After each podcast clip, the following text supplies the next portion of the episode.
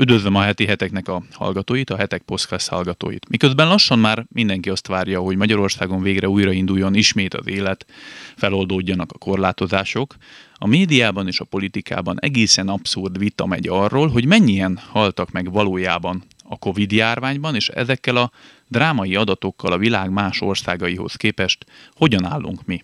Halálosabb volt-e nálunk a járvány, mint az európai átlag? Rosszabbnak tekinthető-e e szerint a védekezésünk, mint másút. Mi az oka a magas számoknak? Most politikától mentesen, kizárólag szakmai oldalról megközelítve próbálunk a kattintásvadász szalag címek tengerében tiszta vizet önteni a pohárban, és ezért is köszöntöm most itt a vonalban Kovács Marcelt, a Központi Statisztikai Hivatalnak a főosztályvezetőjét. Köszöntöm. Jó napot kívánok! Magyarországon ugye most talán a fokozódó választási kampány miatt is, de egyre komolyabb politikai témává válik a Covid járványnak a halálozási mutatói. Ha most csak szigorúan szakmai szempontból, statisztikailag nézzük, akkor állítható az, amit sok ö, újságcikkben olvasunk, vagy a címekben, hogy él lovas Magyarország a Covid áldozatok számát tekintve?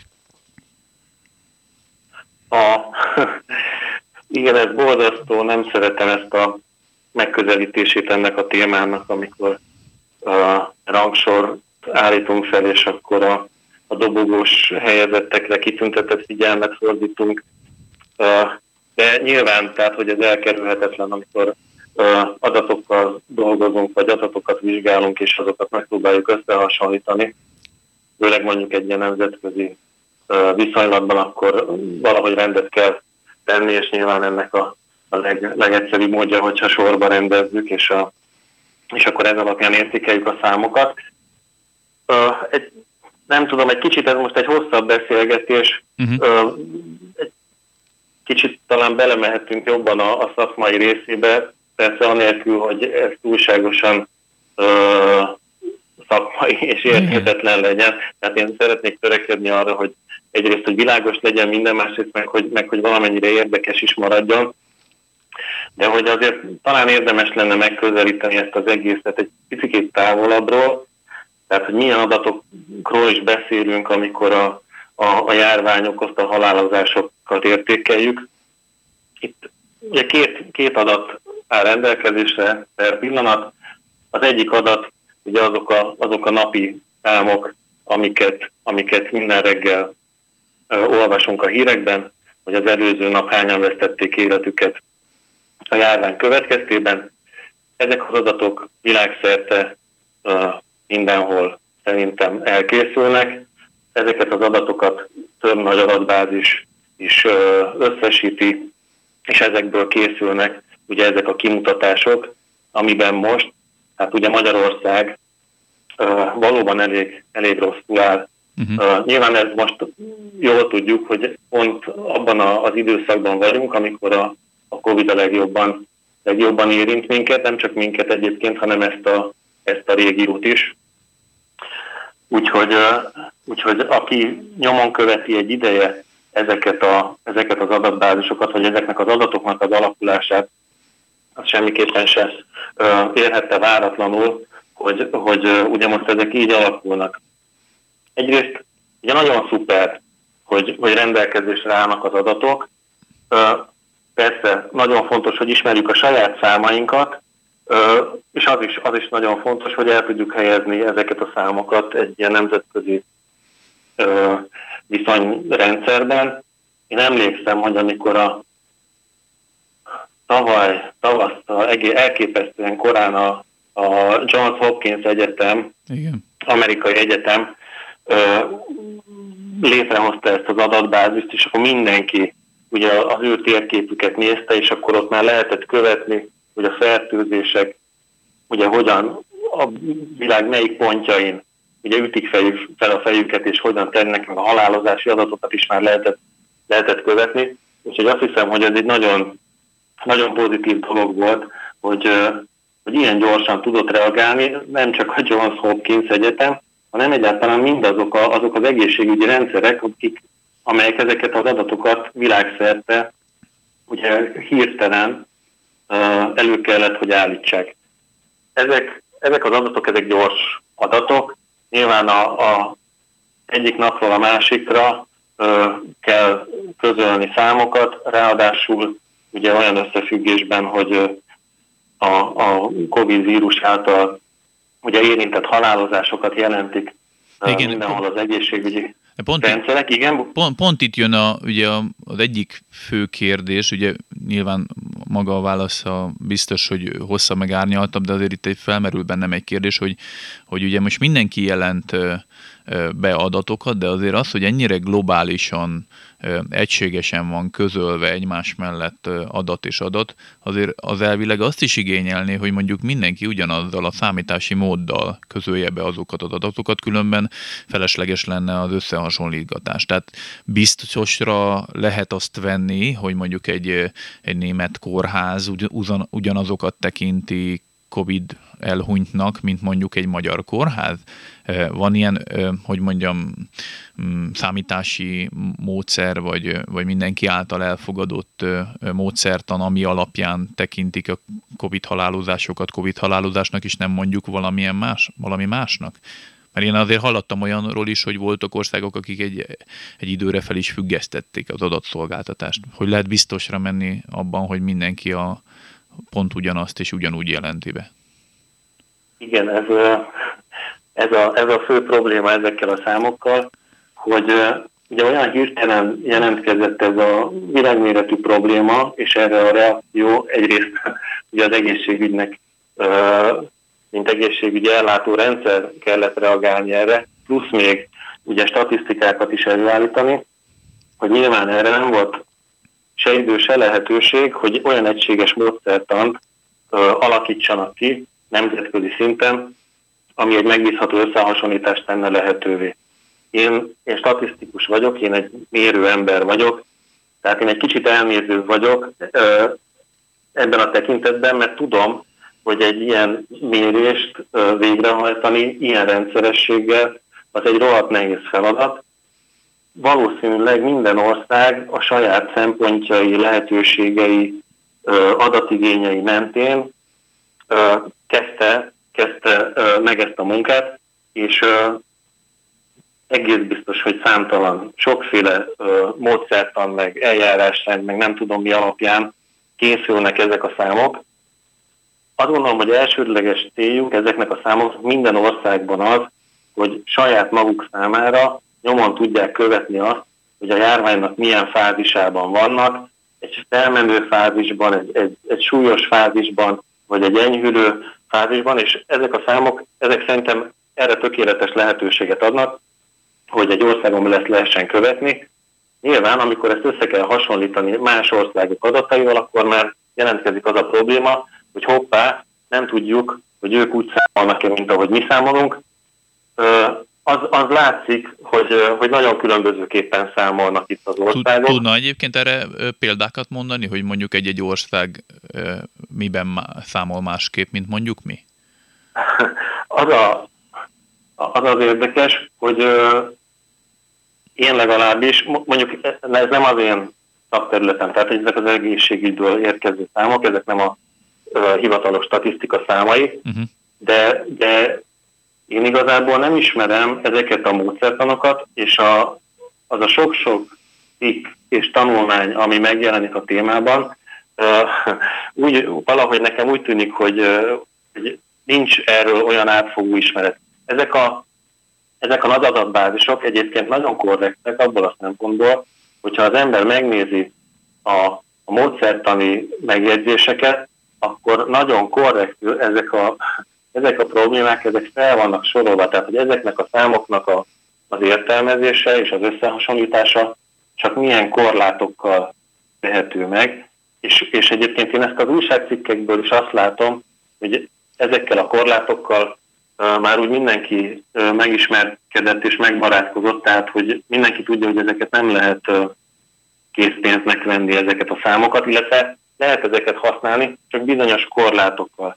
Uh-huh. Ami, ami, ami biztos, vagy hát ami ö, erősíti ezt a, ezt a félelmet, bennem is például, tehát hogy ezeket csak mértékkel lehet összehasonlítani, az az, hogyha a statisztikai hivataloknak a számait figyelem, ami, ami viszont kifejezetten az én szakterületem, úgyhogy ö, nekem ez feladatom egyrészt előállítani, másrészt meg nyomon követni külföldön is, ami pedig a halálozások száma. Tehát ez általánosságban. Egy, általánosságban. Ugye ez egy, ez egy statisztikai mutató, egy alapvető demográfiai adat, amit a statisztikai hivatalok az idő kezdete óta mindenhol számolnak. Ö, nagyon egyszerűen mondva, ugye minden elhunytat meg kell számolni, strigulát kell húzni, és ott ugye ilyen ellentmondás nem igen van, tehát az teljesen egyszerű feladat. Az viszonylag exakt adat, hogy most ki hal meg, Ez az, hogy mibe hal meg, az, az, az bonyolultabb.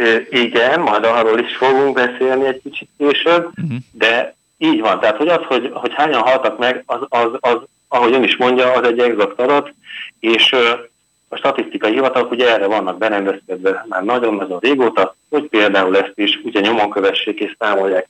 Ami persze ebbe is hozott változást a járvány, mert hogy az egész életünket ugye felfordította, úgyhogy például a, a, a halálozások számításában fel kellett kicsit pörgetni. Rendben van, hogy a, a statisztikai hivatalok ezt számolják, na de hát az nem volt elég, ahogy eddig számolták, és ahogy eddig közzétették ezeket az adatokat, mert nagyon fel, felpörgött az adatigény, mindenki szerette volna látni éppen összefüggésben, ugye a, a COVID halálozásokról közölt számokkal összevetésben is szerették volna látni a, a, az emberek, hogy és mennyien haltak meg összesen. Uh-huh. Mert én is azt gondolom, hogy ez a két szám egymás mellett sokkal többet mond, mint, mint a Covid halálozások önmagukban. Igen, én emlékszem is egyébként a tavaly tavaszi, illetve őszi időszakra, hogy ott kifejezetten várták is az emberek magának a többlet halálozásnak a, a, a tényét vagy, vagy, vagy adatait, pont amiatt, hogy esetleg a saját kormányuk elhallgatja-e adott esetben az, hogy hányan hunytak el Covid-ban, mert ugye az részben a védekezésnek a, a a sikerességét is ugye sokan próbálják abban mérni, hogy mennyien hújnak el egy országba, de nyilván ez egy rettenetesen árnyalt dolog, mert nem mindegyik országot ugyanazzal az intenzitással, ugyanaz a helyzet fogad, mindegyik országnak más az egészségügyi rendszere, egészségügyi állapota, a korfája, stb. Nyilván ez egy iszonyú bonyolult sztori is, talán valamennyivel tisztában fogunk ezzel kapcsolatban látni, de arra emlékszem egyébként, hogy tavaly kifejezetten ezt várta nagyon sok ember, hogy jöjjenek ki a többlethalálozási, vagy csak úgy általánosságban a halálozási mutatók, mert akkor azzal összevetve ott már nem nagyon lehet hol csalni, úgymond most itt kommunikáció szintjén, mert nyilván egy módszerrel kiszámolják, hogy kit tekintenek Covid áldozatnak és kit nem. Ugye nagyon sok esetben a túloldal meg azt mondta, aki nem többlethalálozást várt, hanem, hanem mást, hogy igazából mindenkit Covid áldozatnak mondanak, az is, aki amúgy is elhunyt volna. Nyilván ebben ez a halálozási mutató azért egy kicsit tisztább képet ad. Így van. Amikor a KSH elkezdte a heti halálozási adatokat közölni, az, az tavaly májusban volt, és, és, és szinte ugyanakkor az Eurostatnak is kezdtük ezeket a heti adatokat átadni. Azt kell, hogy mondjam, hogy akkor nem kísérte olyan nagy érdeklődés ezeket a számokat egyébként, mint ahogy mi vártuk. De ugye ez nem is véletlen, hiszen most már azért visszatekintve lehet látni, hogy az első hullám az Magyarországon egészen minimális ö, többlethalálozással járt. Tehát, hogy akkor ennek még nem volt olyan keletje, a KSH ö, azért a járvány közben jelentkező igényekre gyorsan próbált reagálni, mert szinte ezzel egy időben elindítottunk egy, egy KSH heti monitor című alatt összeállítást, amiben hetente nem csak a demográfia, de a munkaerőpiac, a gazdaság különböző területeinek az adatait közzétettük, és azóta is minden héten közzétesszük, pont amiatt, hogy a, a járvány hatását lehessen valamennyire követni.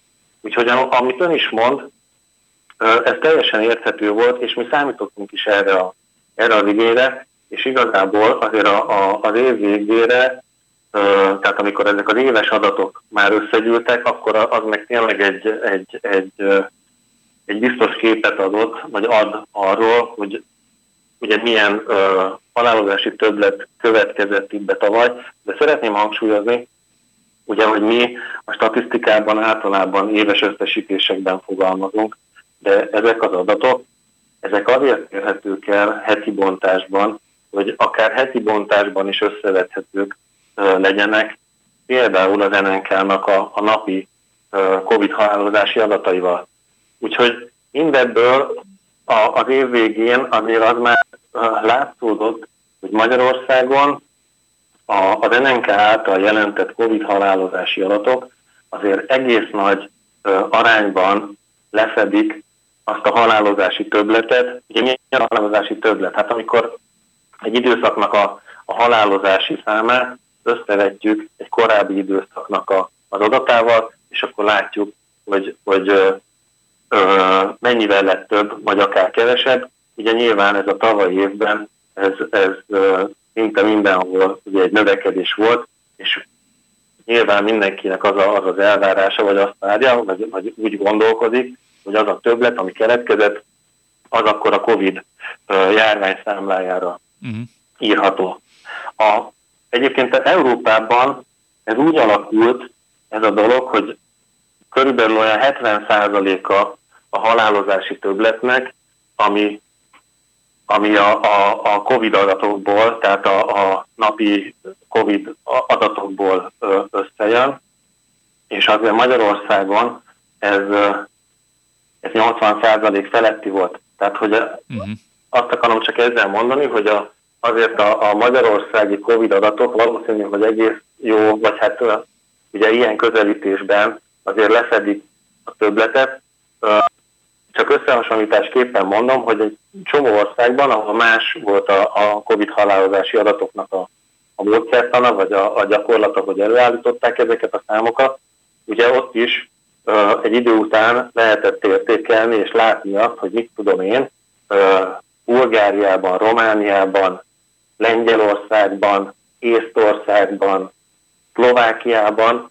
A halálozási többlet az előző év hez számított halálozási többletnek az 50%-át sem de, de ez, akkor, ez, ez egyébként minősíti a COVID halálozás módszertanát is, tehát, hogy, hogy nem ilyenkor le lehet leplezni mondjuk egy számítási, hogy mondjam, sunyiságot, vagy, vagy, vagy hogy nem, mondjam, rejtegetés, nem, vagy ez csak egy ilyen, ilyen annyi, hogy máshogy számolja X, és máshogy számolja Y. Mert ugye azért kérdezem ezt, mert ugye végtőre is egy, egy átlagpolgár mégiscsak azt keresi, hogy akkor az ő országában rosszabb a helyzet, mint másút, vagy sem. Mert ugye felelősöket is keres legyen ez a társadalom vagy politika.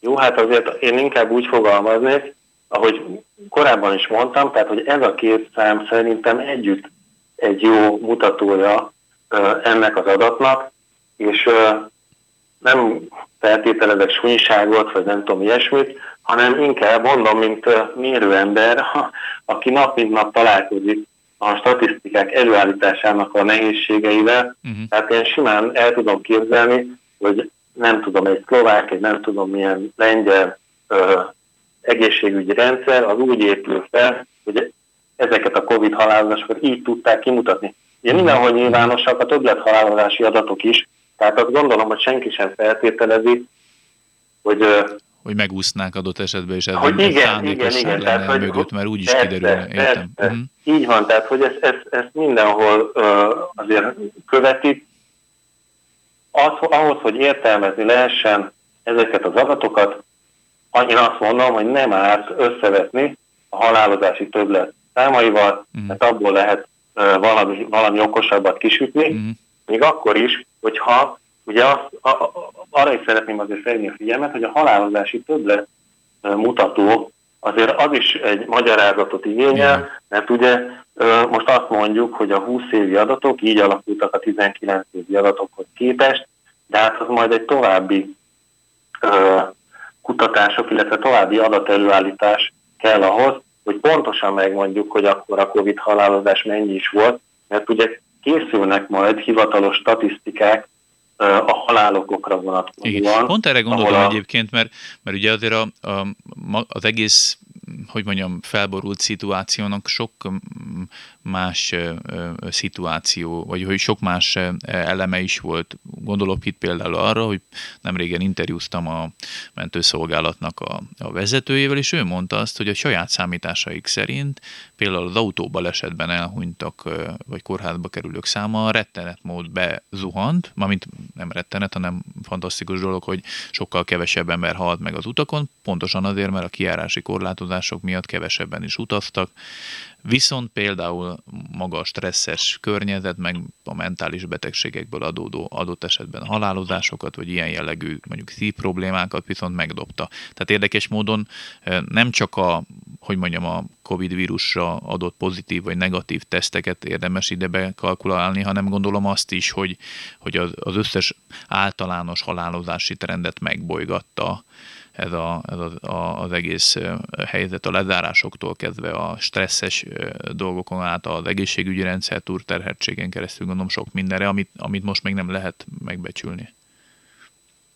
Így van, úgyhogy ez egész biztos, hogy, hogy nagyon okos embereknek, kutatóknak rengeteg munkát fog adni ez a dolog a későbbiekben, hogy, hogy ugye pontos elemzések készülhessenek arról, hogy a, a Covid járványnak milyen volt a hatása, akár csak a, a halálozások tekintetében. Ugye ehhez majd az kell, hogy a, a KSH-nak elkészüljenek a haláloki statisztikái.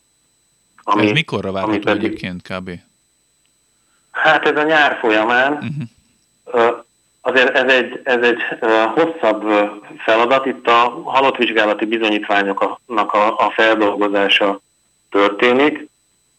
Uh-huh. Ez csak, hogy érzékeltessem, a, hogy ebből majd mikor fogunk tudni egyébként nemzetközi összehasonlításokat látni, az Eurostatnak a szóló kötelezettség az adat átadásra ebben a tekintetben 24 hónap ír elő, uh-huh. tehát a tavalyi évet követően két év múlva fogja az Eurostat összesíteni.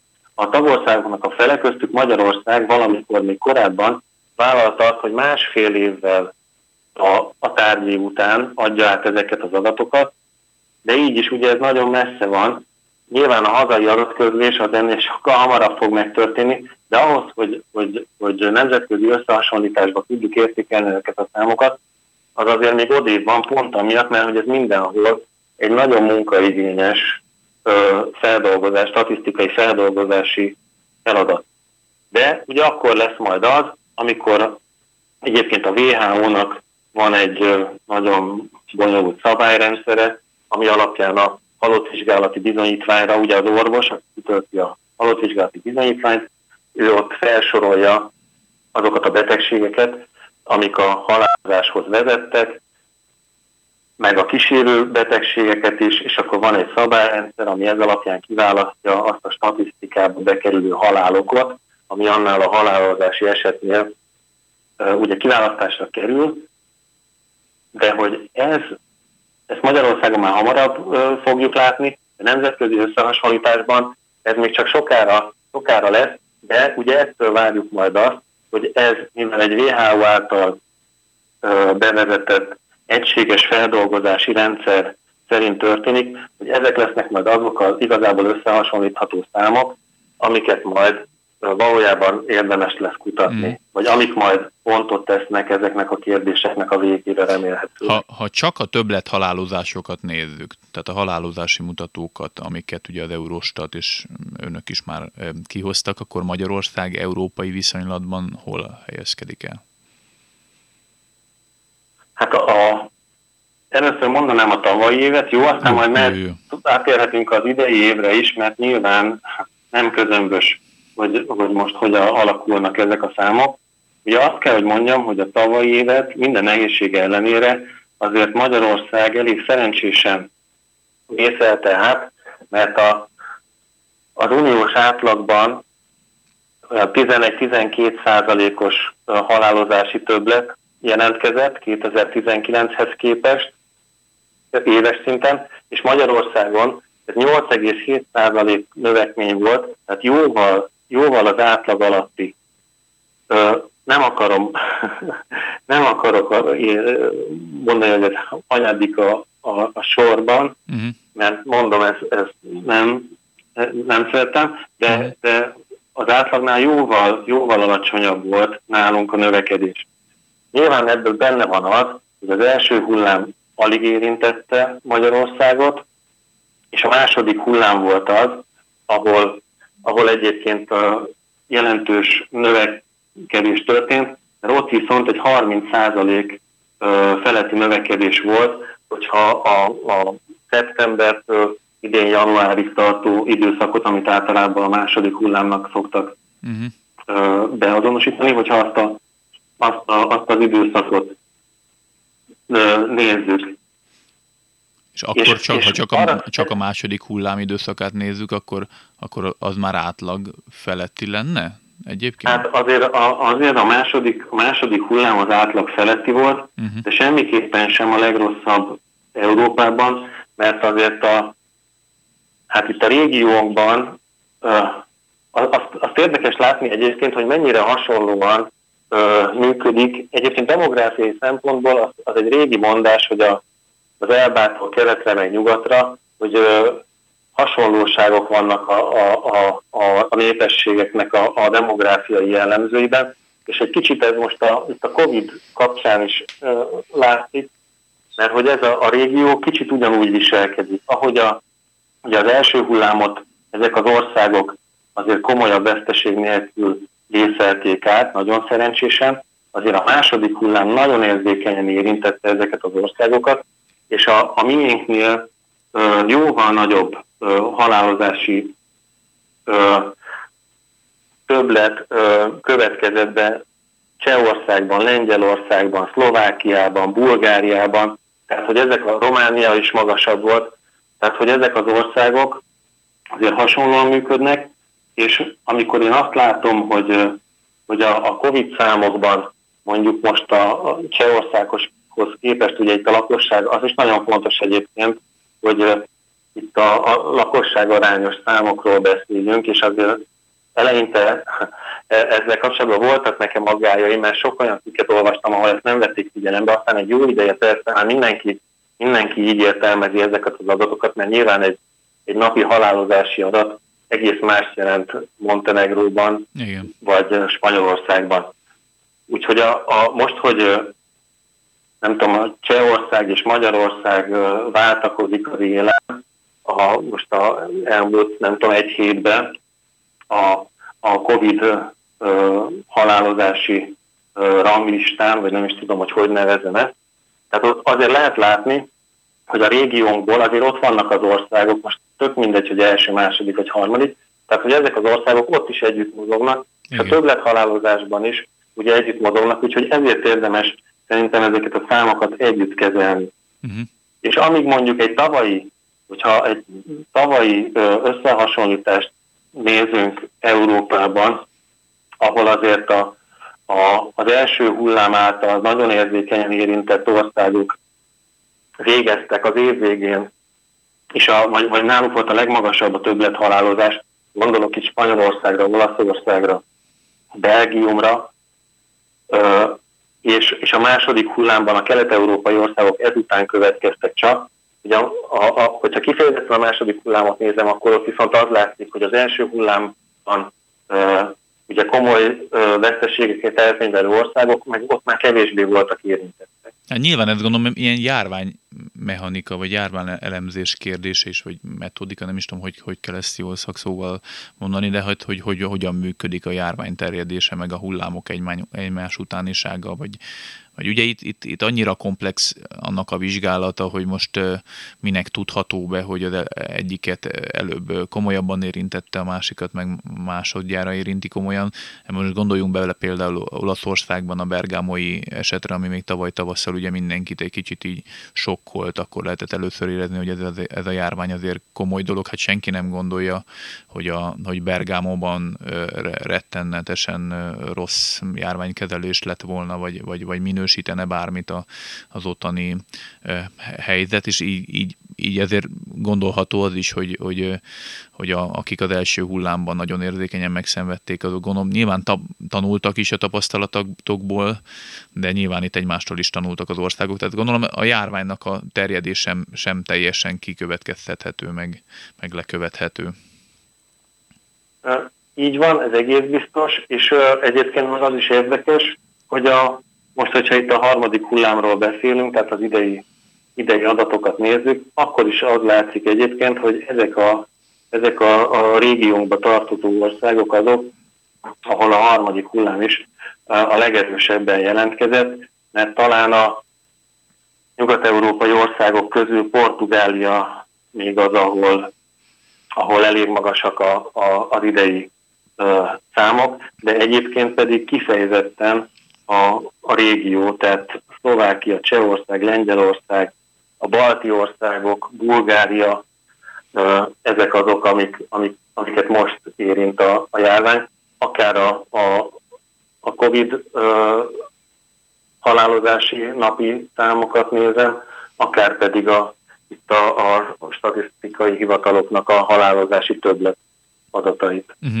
Általánosságban egyébként, ha most eltekintünk attól, hogy most, most a harmadik hullámban nagyon éllovas az egész régió, hogy, hogy ö, ö, amúgy világviszonylatban, vagy európai viszonylatban, ha most mondjuk 2019-től lefele nézem, akkor ö, lakosság arányosan mennyire magas a halálodási mutató Magyarországon? Tehát mihez képest nézem én azt, hogy most több lett halálozás, nyilván az sem teljesen mindegy. Hát azért az, hogy a tavalyi évben 11 ezerrel többen haltak meg, mint egy évvel korábban. Ugye a, nem is tudom viszonyításként mit mondjak, a nagyon súlyos influenza járványokat szokták felemlegetni. Legutóbb 2017-ben volt egy erős influenza járvány, tehát amikor mondjuk Magyarországot egy, egy influenza járvány nagyon erősen érintette, az is azt, az is azt jelentette, hogy 4000-5000 körüli többlet halálozás történt.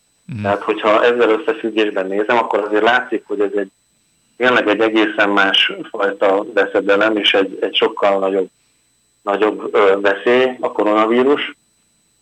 Most én itt De... főleg inkább arra, arra gondolok, hogy az ország ha. általánosságban a, az egészségügyi állapotát is tudja mutatni, a, a társadalom erő, előregedését is tudja mutatni, vagy, vagy nem tudom, a túlsúlyosságnak a számát, szívbetegségek, cukorbetegség, ilyesmi jelleg. Ugye nyilván az, hogy most európai viszonylatban mennyire egészséges, vagy halandó a magyar ember, nyilván ez sem teljesen mindegy akkor, amikor egy ilyen fokozott veszély vagy támadás van, alatt van az ország. Igen, a, a, hát az, hogy itt a, a régió mennyire hasonlóan viselkedik, nyilván közrejátszik az is, hogy azért itt demográfiailag és azért elég hasonló, hasonló a helyzet. Tehát amit említett is, hogy igen, van egy csomó egészségi problémánk. Ugye vannak a közismert, hogy, hogy a érrendszeri betegségek, daganatos betegségek, ugye nagyon rosszul állunk, kifejezetten rosszul áll Magyarország ezeknek a betegségeknek a tekintetében. Az elhízás egy probléma, akkor mindenhol probléma, ugye a fizikai aktivitásnak a hiánya, a mozgásszegény életmód, jön még ehhez a dohányzás, az alkoholfogyasztás, tehát hogy ezeket azért ismerjük, ezeket mindig halljuk, hogy ezek a problémák vannak. Nem is tudom ezt, ezt, ezt statisztikai nyelvre lefordítani, talán a legegyértelműbb és látványosabb, hogyha, hogyha a várható, születéskor várható élettartamot hasonlítjuk össze, mondjuk a, az európai országok között, ahol, ahol ugye az a helyzet, hogy Magyarországon most egy olyan, nem tudom, 76 év körüli a várható élettartam, a, az EU-ban az átlag meg 80 fölött van. Hm. Uh-huh. És, és azt kell, hogy mondjam, hogy a miénk ugye egy, egy nem erős, semmiképpen sem erős adat, de hogy nálunk vannak rosszabb országok, és ezek az országok meg megint csak, amikről beszéltünk, tehát Bulgária, Románia, a balti államok, kicsit Lengyelország, kicsit Csehország, úgyhogy ahol a várható élettartam ugye nem olyan magas, nem éri el a, a, az európai átlagot. Nyilván, nyilván összefüggésben van ez a, a, a, az egészségi állapottal, ami meg egy olyan kitettség a járvány szempontjából, a Covid fertőzés szempontjából, ami nyilván hozzájárul, hozzájárul itt a, a halálozási eredményekhez is. Az érdekes egyébként, hogy ugye, ha visszagondolunk arra, hogy a, a nem tudom, még a, egy évvel ezelőtt, tehát amikor a, jöttek a, az első olasz adatok, utána a spanyol adatok, és akkor a, a, itt a korcsoportos adatokat vizsgáltuk mi, itt a KSH-ban, vagy hát azokat is uh-huh. persze ö, nagy, nagy erőkkel, és ugye az látszott, hogy ö, ott egy, egy magasabb ö, volt az a veszélyeztetett korcsoport, akit a, a fertőzés érintett, meg akik elsősorban, meg utána akiket a, a halálozások is érintettek, de hát nyilván ez pedig amiatt van, igazából nagyon komoly, nagyon súlyos ö, halálozási mutatók voltak ott tavaly tavasszal, független attól, hogy, hogy egy egészségileg várható élettartamot tekintve egy sokkal jobb helyzetben élő népesség találkozott a járványa, csak az történt, hogy amíg ott egy, egy 80 év körüli ö, korcsoport volt az, amelyik elsőként meg legnagyobb mértékben áldozatává vált a járványnak, addig például ugye Magyarországon egy 65 év feletti ö, egy, egy, egy, egy fiatalabb korcsoport, de nem azért, mert hogy Magyarországon valamiért a legidősebbeket nem érintette, hanem azért, mert hogy Magyarországon kevesebben vannak azok az idősek, akik a, a nyugati országokban ugye sokkal nagyobb létszámban vannak jelen, és ezért sokkal nagyobb számban estek áldozatul uh-huh. a Covid járványnak. Uh-huh. Most így picit a lekerékítve a beszélgetés, bár nagyon hosszan lehetne még beszélgetni, mert rendkívül izgalmas minden szinten az, hogy milyen adatok jönnek be, és a statisztikai összehasonlítások hogyan működnek. Nyilván itt azért fel kell hívni a, a, a figyelmet arra, hogy, hogy nyilván itt nem csak számokról van szó, hanem emberilletekről is, egy emberilletnek a, a, az elvesztése is rettenetes tragédia, tehát nem a beszélgetés során nem azt szerettük most itt volna itt felhívni a figyelmet, hogy hogy itt számháború zajlik, talán pont az, az ellen is beszélünk, hogy, hogy az ember ne, ne a hangzatos rangsorokat állítson föl, hanem, hanem, hanem pontosan inkább árnyalja az, hogy, hogy mi miért történik, és ezt majd később lehet igazán lemonni ennek a tanulságait. De még egy utolsó kérdésem azért lenne itt a, a beszélgetés lezárásaként, hogy azok a, a hallgatók, akik azért szeretik ezeket az adatokat követni, meg fontosnak tartják, mire érdemes, hogy összegeznénk minden, ami elhangzott, figyelni, amikor, amikor látjuk a, a, akár a KSH heti adatait, akár a, a COVID halálozások adatait, vagy akár a hangzatos szalagcímeket az online sajtóban, közösségi oldalakon. Hogyan érdemes ezeket megemészteni, ezeket az adatokat? Mire kell figyelni? Én, a, én azt, azt szeretném hangsúlyozni, amit a korábban is mondtam, hogy a, tehát érdemes minél többféle adatot, most itt jelen esetben ugye vannak a napi, minden reggel bejelentett halálozási adatok, azokat együtt nézni a, a KSH által közölt adatokkal, ha pedig valaki nemzetközi összehasonlításra kíváncsi, akkor a, az Eurostat is közli ezeket az országoktól beérkező halálozási számokat, heti halálozási számokat, és az egy érdekes dolog, egyébként akkor még egy kis szakmai uh, tartalmat itt hadd vigyek bele, hogy aki viszont azok az Eurostat oldalán követi ezeket a számokat, a, azért ő fogja látni, meg ez, erre fel is hívnám a figyelmet, hogy ezek előzetes adatok, és sokat változnak. Plusz, ami, ami, amire érdemes odafigyelni, hogy a statisztikai hivatalok nagyon komoly munkát fektettek abban mindenhol, hogy az Eurostat számára ezeket a heti adatokat kötőjék, de azért az jól látszik, hogy nem minden ország tud lépést tartani a, itt az adatigényeket, tehát van több országban egy kicsi, kis néhány hetes elmaradás van, van, ahol több hét adatát utána egyben közlik, tehát hogy nem hétről hétre nyomon követhető ez a dolog, Úgyhogy egy kicsit, mivel én sokat dolgozom azzal az adatbázissal, lehet, hogy ezért is számomra ez különösen fontos, de lehet, hogy ugye most nagyon sokan érdeklődnek ezek után a számok után. Szerintem a KSH számai, az NNK számai, a Johns Hopkins Egyetemnek az adatbázisa és az Eurostat adatbázisa, igazából ebből mindenki, aki, akit ez persze ilyen behatóan érdekel, mindenki azért elég komoly számításokat és következtetéseket tud levonni, és én egyébként a sajtóban is azt látom egyébként, hogy, hogy azért most már nagyon, nagyon komoly és nagyon tájékozott írások jelennek meg, és azért mostanra már mindenki tisztában van azzal, hogy ezeknek a számoknak milyen korlátai lehetnek, és én mindig, amikor olvasok egy ilyen cikket ebben a témában, függetlenül attól, hogy mennyire elborzaszt esetleg a cikknek a címe, mert nyilván ott mindig nagyon hangzatos és figyelemfelkeltő és kicsit ilyen ö, ö, kihívó címeket adnak ezeknek az írásoknak, de azért én nagy örömmel figyelem azt, hogy, hogy nagyon sok újságíró kifejezetten felhívja a figyelmet az adatok felhasználásának a korlátaira, ami nekem meg azt üzeni, hogy azért itt most már egyre többen tisztában vannak hogy, azzal, hogy hogy kell ezeket az adatokat értelmezni. Uh-huh.